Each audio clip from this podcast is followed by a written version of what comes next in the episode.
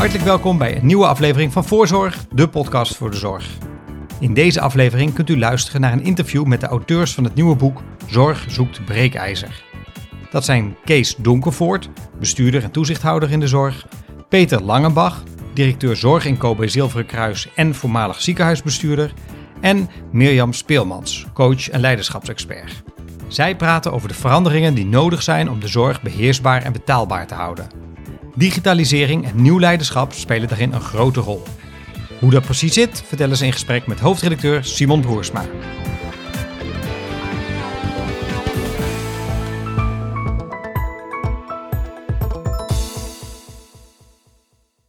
Waarom zoekt de zorg eigenlijk een breekijzer?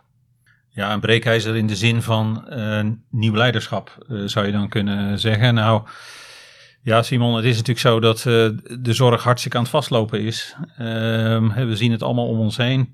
wachtlijsten lopen op, toegangstijden nemen toe, geld droogt op. er zijn steeds moeilijker mensen te krijgen voor het werk in de zorg. Um, dus we moeten het ook echt anders gaan doen met elkaar. En dat vereist iets uh, ja, dat vereist ander leiderschap, is onze stellige overtuiging. Dat hebben we ook in dit boek gezet. En niet alleen wij vinden dat, hè. Anders zou je nog kunnen zeggen, nou ja, mooi dat jullie dat vinden. Maar er zijn ook een aantal prominenten uit de zorg die dat zeggen. En daar gaat het niet alleen om de cv achter de persoon, zal ik maar zeggen. Maar het gaat ook over hoe zet je nou een goed team neer dan. Kun je lef tonen op de een of andere manier? Authenticiteit, hoe belangrijk is dat nou eigenlijk? Allemaal, allemaal aspecten waarin je, nou, als je dat allemaal samenvat, zou kunnen zeggen: ja, er wordt in de zorg echt wel meerdere breekijzers gezocht om, om naar dat nieuwe leiderschap te gaan. Ja, zo zijn we eigenlijk al in een vliegen, ja, vogelvlucht de, door het boek heen gegaan. Hè? De, problemen, de oplossingen en ook nog het leiderschap wat daarvoor vereist is. Jullie hebben um, het boek Zorgzoek Breekijzer ge, geschreven. Uh, en dat is niet voor niks. Uh, Kees uh, vertelde het al.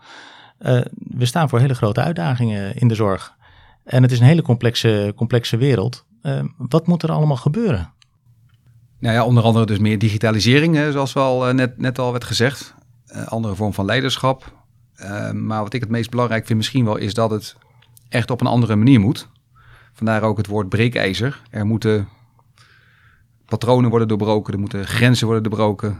En het, het, bijvoorbeeld, het moet meer domeinoverstijgend. Ik heb zelf jarenlang als ziekenhuisbestuurder gewerkt. En dan ben je als bestuurder verantwoordelijk voor je eigen ziekenhuis. Ehm, om, om dat te optimaliseren, om dat goed te organiseren. Maar ik heb de laatste jaren in sneltreinvaart gezien dat juist die grenzen opzoeken en juist over die grenzen heen organiseren met elkaar, dat dat echt effect oplevert. En veel meer effect dan alleen je eigen organisatie. Dus dat door, doorbreken van patronen, dat is de reden waarom we de breekijzer hebben gekozen. Uh, ja, Peter, dat, jij was ook uh, jij was uh, ziekenhuisbestuurder bij het Maastad ziekenhuis. heb jij een aantal van die zaken die moeten gebeuren, heb jij die daar al in de praktijk gezien? Zeker. Ik was ik, ben en in Jeroen Bos ziekenhuis in de Bosbestuurder geweest. En in het Maastad ziekenhuis in, in Rotterdam. Het grote verschil was wel in de tijd dat ik in Den Bosch werkte. Uh, toen was die aandacht voor domeinoverstijgende samenwerking wat minder dominant dan, uh, dan in de laatste jaren geworden is. het Jeroen Bos ziekenhuis was ook het enige ziekenhuis in Den Bosch. Het was een fusieziekenhuis van vijf ziekenhuizen. Het was een hele tour om dat te optimaliseren in uh, de omgeving van Den Bosch. Dat was een nieuwbouwsituatie. Uh, financieel best een grote uitdaging. Dan is het toch wat meer intern gericht en het ziekenhuis zelf. Uh, en in Rotterdam, in het Maastad ziekenhuis, een, een, een, Rotterdam een, een, een, stad waar meerdere ziekenhuizen zijn, miljoenen mensen wonen, meer dan een miljoen mensen wonen. Ja, dat vraagt echt om samenwerking om het met al die zorgpartijen goed te doen. Er ging een ziekenhuis failliet in Spijkenisse. Als we daar niet met elkaar de schouders onder hadden gezet, dan was daar geen ziekenhuis meer geweest.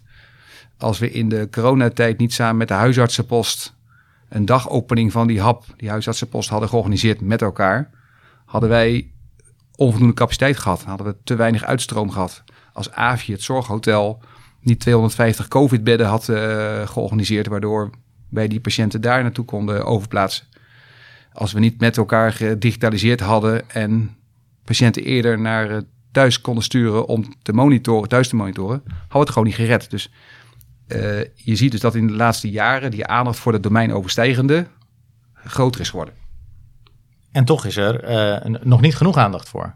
Want we lopen nog steeds vast in, uh, in, in de zorg als we het op de, de huidige manier blijven organiseren. Ja, als ik daar iets over mag zeggen, in aanvulling ook wat Peter uh, zegt, is van de, de huidige uh, oplossingen die we gewoon de afgelopen tientallen jaren hebben geprobeerd te implementeren, ja, die, die houden langzamerhand op. Hè? Dus de, de, we hebben de mensen niet meer beschikbaar.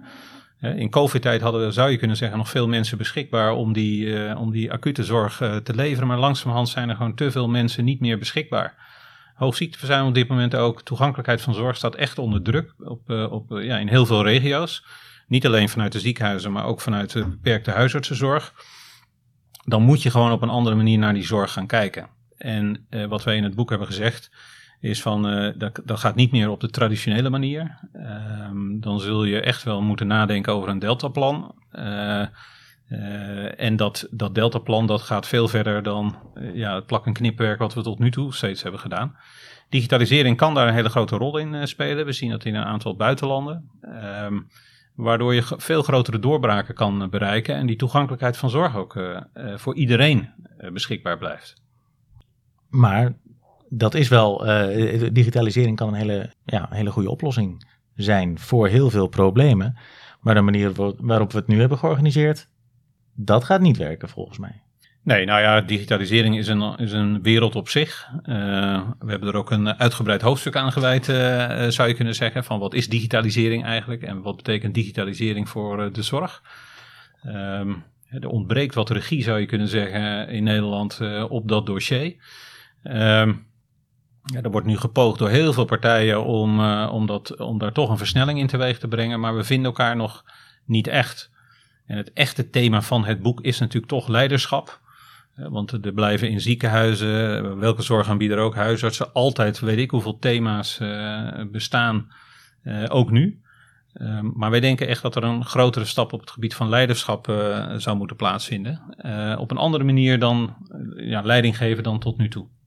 En dan is er natuurlijk ook meteen een vraag, want er moet op een andere manier leiding gegeven worden. Hoe wordt dat nu gedaan en hoe zou dat moeten? Nou, ik denk, ja, ik zal even inhaken, maar ik denk dat het allerbelangrijkste stukje is dat, hè, Peter refereerde al naar patronen.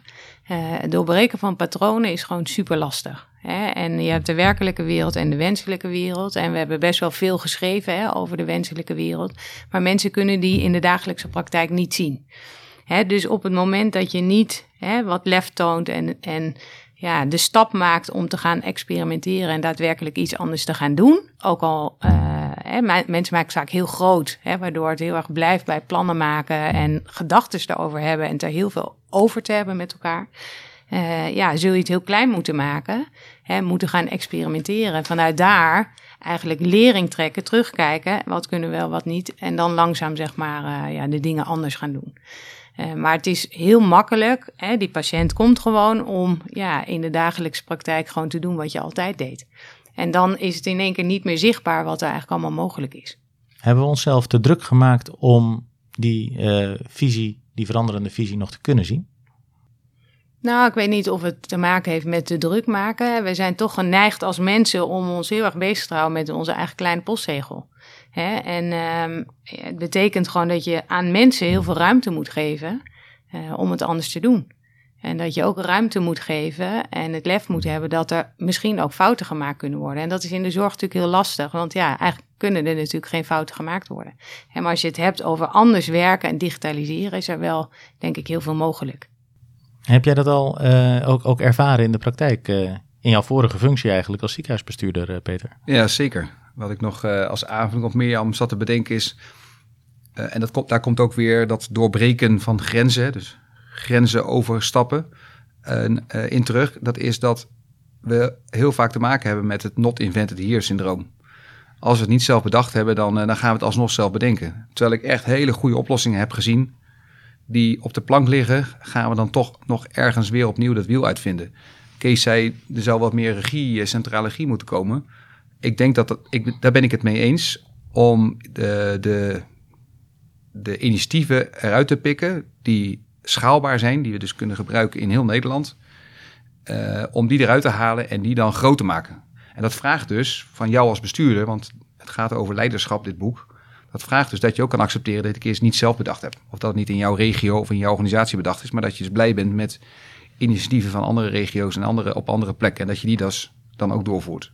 Nou, een van de issues is daarbij dat ieder ziekenhuis, iedere zorgaanbieder uh, kan zelf beslissen hoe de ICT-infrastructuur eruit ziet.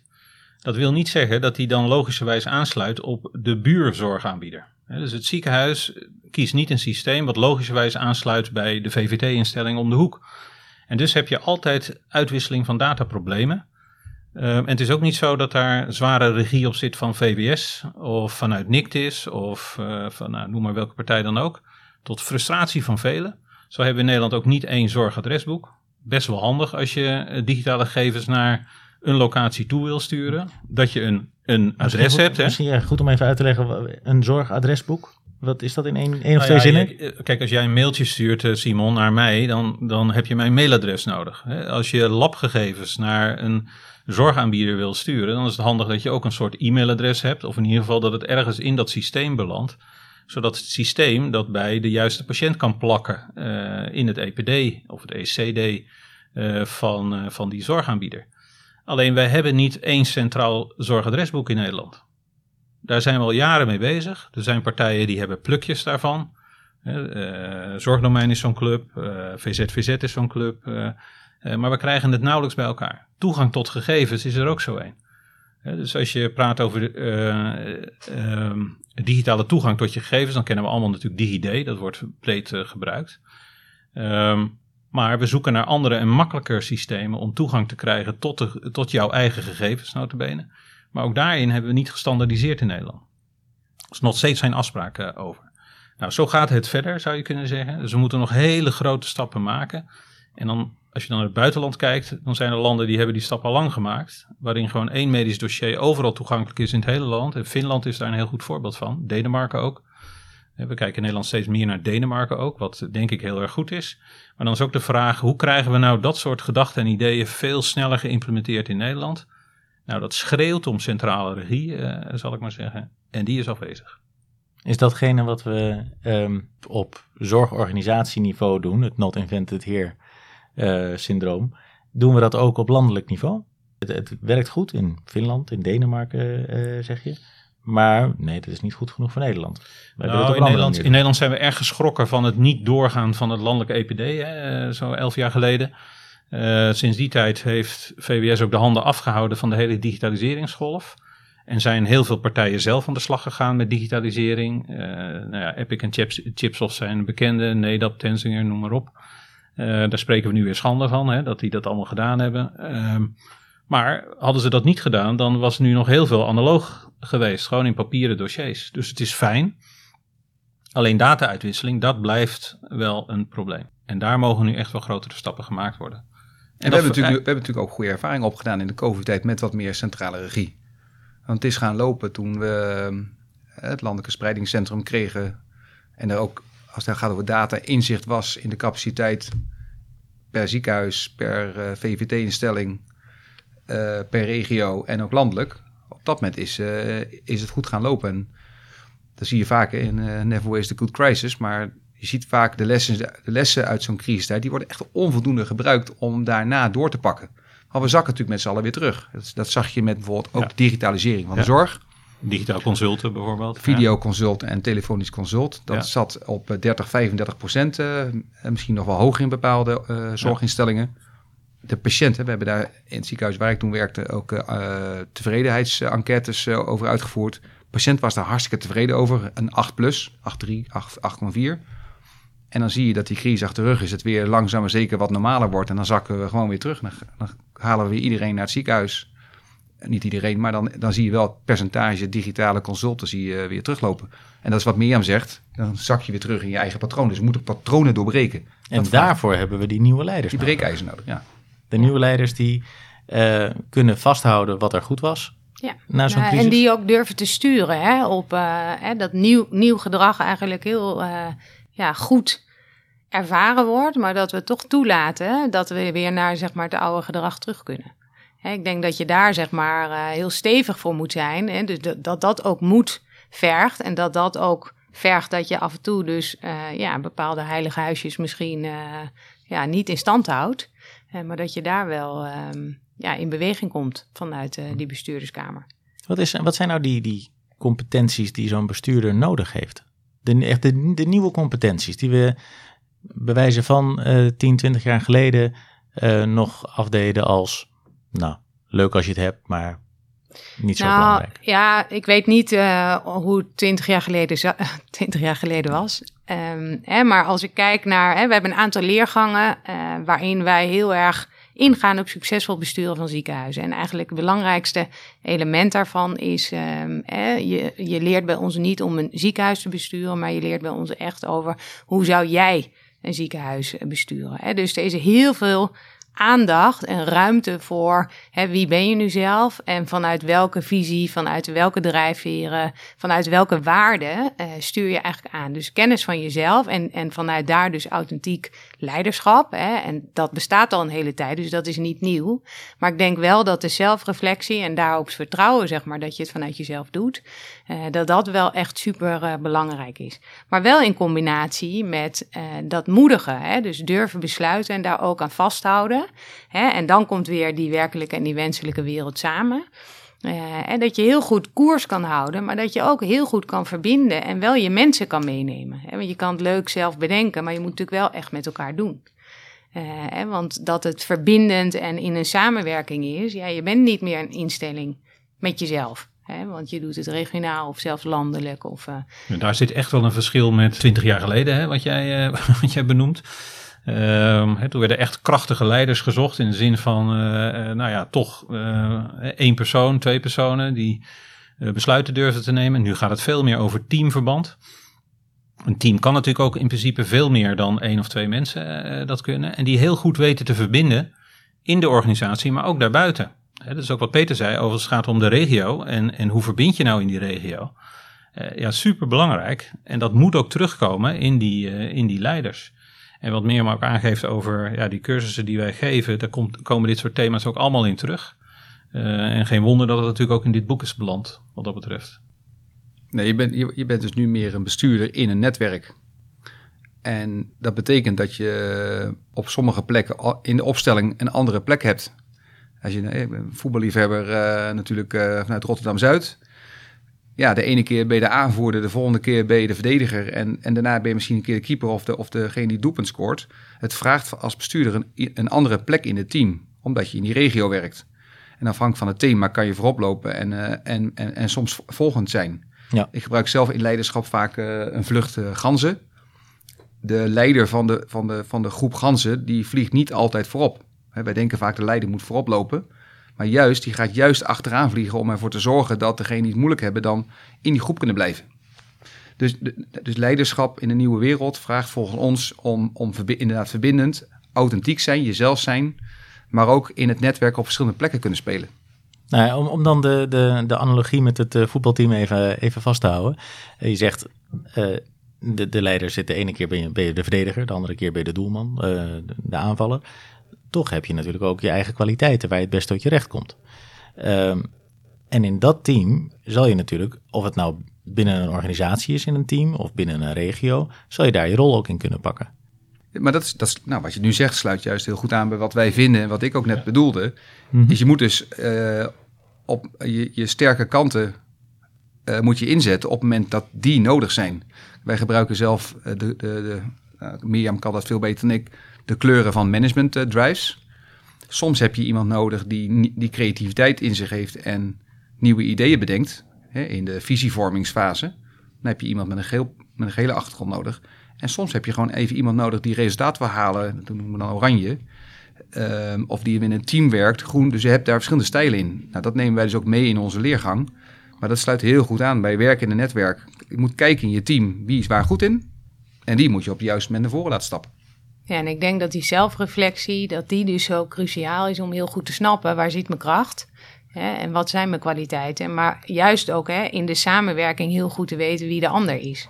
Hè, en wie de ander is, maakt ook dat je veel meer begrip kan hebben, maar dat je met name ook echt kan samenwerken. En dat is niet alleen maar samenwerken binnen de bestuurskamer of samenwerken met nauwe teams, maar dat is denk ik samenwerken in de hele instelling en daarbuiten. Hè, en dan vervagen dus die grenzen ook. En ik denk dat dat de toekomst is. Nou hebben jullie, ehm, dit boek hebben jullie geschreven natuurlijk. En daarvoor hebben jullie ook een aantal uh, nou, prominente mensen uit de zorg uh, geïnterviewd. Dan ben ik toch even benieuwd, want die interviews uh, die zijn dan die zijn gemaakt. wat is nou een onderdeel van een interview of een bepaald persoon waarvan je toch iets, echt, echt iets bent bijgebleven, zonder de rest tekort te doen? Hè? Want dat is in elke interview zitten natuurlijk interessante stukken. Maar wat was nou een moment dat, je, dat jullie dachten, hey, nou, ik vind eh, even in zijn algemeenheid, eh, het, zijn vrij prominente bestuurders, uh, hè, waarbij wij het ook best spannend vonden om ze te interviewen, van wat gaan ze zeggen over die onderwerpen. Maar eigenlijk merk je dat alle thema's, zoals we ze net benoemd hebben, gewoon terugkomen. Ehm, eigenlijk zijn ze zelf hartstikke authentiek. eigenlijk, ze zijn authentiek. En je merkt dat ze besturen vanuit zichzelf. Precies het thema was zoals Mirjam dat ook benoemde. En wat wij nou ja, graag benoemen richting aankomende bestuurders als een heel belangrijk thema. En wat uh, dan uh, ja, bijblijft, weet je. Nou, ik vond als je het interview met Shakita Kalou leest, bestuurder van Argos, ehm, dan zie je gewoon hoe zij als relatief jong bestuurder mensen in hun kracht zet om echt dat teamverband zoekt, echt die verbinding zoekt met haar mensen. Uh, om de creativiteit maximaal te benutten van die medewerkers. Ja, ik vind dat zelf een heel mooi voorbeeld. En het, het tweede voorbeeld wat ik zou willen noemen is Diederik Gommers, die nou ja, natuurlijk landelijke bekendheid heeft gekregen tijdens de, de, de COVID-pandemie. En um, op een gegeven moment ook benoemde hoe hij omging met bepaalde issues, met die landelijk bekende rapster, wiens naam ik even niet meer weet nu. maar hè, die, die nogal negatief was over de COVID-maatregelen. Ik doe niet meer mee. Hè? Eh, ik doe niet meer mee. En die nodigde hij uit, hè, gewoon heel spontaan en heel snel. En hij had een heel mooi gesprek met haar, waardoor hij ook liet zien van kijk, zo, zo geef je leiderschap vorm. Niet om aan haar nog een keer uit te leggen hoe de wereld in elkaar zit, maar door gewoon de verbinding te zoeken. En dan uh, ja, op die manier iemand in beweging te krijgen. Ja, ik vond dat een, een mooi voorbeeld. Twee mooie voorbeelden, denk ik, vanuit de interviews. Ja, maar ik denk dat de, de gemene deler van allemaal wel was hoe innovatief ze zijn en hoe zeer ze ook een kijk hebben zeg maar, op wat er moet gebeuren en uh, op innovatie. Um, ik heb dan uh, wat uitgebreider nog uh, met Michel van Schuik gesproken. Hij heeft ook een aantal boeken echt geschreven, zeg maar, ten aanzien van de transformatie in de zorgwereld. En hij beschrijft, en dat ja, is ook iets waar ik dus zo heel erg in geloof. In ja, hoeveel potentieel er eigenlijk in zorginstellingen in, zeg maar, rondloopt. En dat je die ook ja, echt moet benutten, dat potentieel. En dat als je daar veel ruimte voor maakt, dat er eigenlijk heel veel mogelijk is. dus dat het soms helemaal niet zo ingewikkeld is. Alleen je moet natuurlijk wel kijken. je ziet alleen waar je naar kijkt. Um, en als je dat kan benutten, ja, denk ik dat je al een hele stap verder bent moest even lachen om, je ziet alleen waar je naar je kijkt. Ja. Dat is bijna Cruyffiaans, hè? Cruyffiaans, moest ik inderdaad ook aan denken. Uh, wat mij het meest bijgebleven is, nou, het waren allemaal indrukwekkende en uh, inspirerende, leerzame interviews. En een deel is natuurlijk in het boek terechtgekomen, want je moet ook uh, natuurlijk samenvattingen uiteindelijk kiezen. Ik heb zelf mijn toenmalige collega bestuurder in Rotterdam, Ernst Kuipers, nu minister, mogen interviewen. En hij zegt, als leider doen wij nog geen 5% van het echte werk. We, we stimuleren alleen en moeten zorgen dat de voorwaarden er zijn voor de mensen in het veld om het te doen.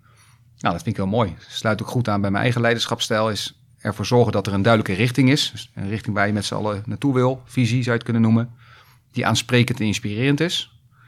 En vervolgens dat je, de, dat je de faciliteiten creëert, de ruimte creëert voor mensen om het te doen. Maar ook hè, dus ook empoweren, ook mensen de ruimte geeft om beslissingen te nemen op het juiste niveau, waar, eh, waar de kennis ook echt zit.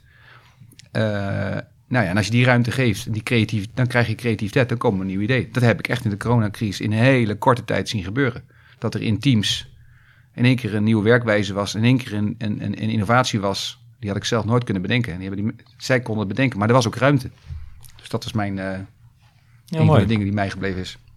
Is, is, uh, zijn, zijn deze bestuurders, zijn dat de breekijzers die we nodig hebben eigenlijk? Nou, er is in ieder geval één bij die een breekijzer in zijn hand heeft, zou ik willen zeggen. Dit zijn wel mensen die, uh, die er uh, in de afgelopen periode toe hebben gedaan. En ja, hoop, hopelijk wat ze in de interviews hebben gezegd ook daadwerkelijk gaan doen. En daar zie ik wel bepaalde tekenen van, ja. ja.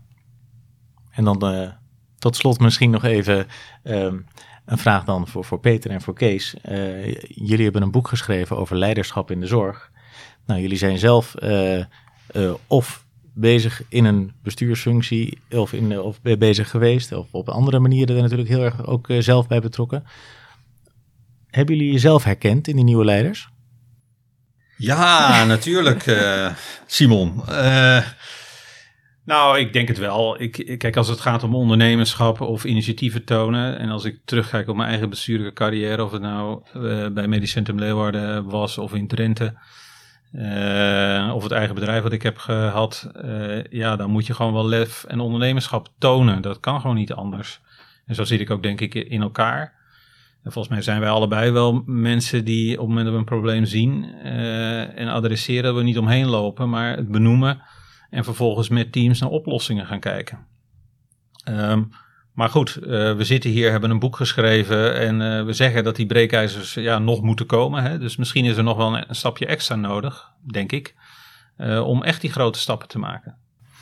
Nou, we hebben voor, toch belangrijk, denk ik, voor, voor de record. We hebben met z'n drieën geschreven, dus Mirjam heeft natuurlijk ook aan meegewerkt.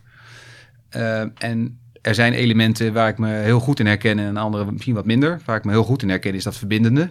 Zowel in covid als daarvoor. Ik vertelde al over het Spijkenissen Medisch Centrum, wat uh, in 2015 voor een tweede keer failliet ging. Dat hebben we met de regio weer uh, aan de gang gekregen. En daar mocht ik als bestuurder uh, een verbindende rol in, in spelen. Als ik daar terugkijk, ben ik ook echt trots op. Staat er weer wat moois, wat alleen maar vanuit verbinding had kunnen worden gerealiseerd. Dus daar herken ik me wel in. En andere elementen. We zeiden straks tegen elkaar: je speelt een bepaalde rol in dat netwerk. En dat betekent dat je je sterke kant hebt en minder sterke kant hebt. Nou, dat verbindende is denk ik iets waar, ja, waar ik me in herken. En in andere aspecten misschien net wat minder. Ja, en de vraag was natuurlijk niet aan mij gesteld, maar ik ga toch even reageren. Ja, heel graag zelfs. Want uh, ik denk dat er nog heel veel breekijzers rondlopen. Uh, die nu zeg maar niet uh, de rol hebben die ze zouden moeten hebben. Dus mijn grote nou ja, belangrijkste element, zeg maar, hè, van dit boek. En dat is voor uh, al die raden van toezicht en uh, um, raden van bestuur op dit moment. Hè, kijk gewoon voorbij het cv. Um, kijk voorbij vliegenuren. Kijk voorbij ervaring. Uh, en geef mensen een kans. En kijk veel meer naar competentie en wat mensen in de mars hebben. Want ik geloof dat dat de toekomst is. Hartelijk dank voor dit gesprek. Graag gedaan. Graag gedaan. Alsjeblieft. Tot zover deze aflevering. We danken natuurlijk onze gasten Kees Donkervoort, Peter Langebach en Mirjam Speelmans. Daarnaast gaat onze dank uit naar Bram Brouwers voor de muziek en Ties Timmers voor de montage. Door u te abonneren op deze podcast blijft u automatisch op de hoogte van nieuwe afleveringen. Voor nu, hartelijk dank voor het luisteren en heel graag tot de volgende voorzorg.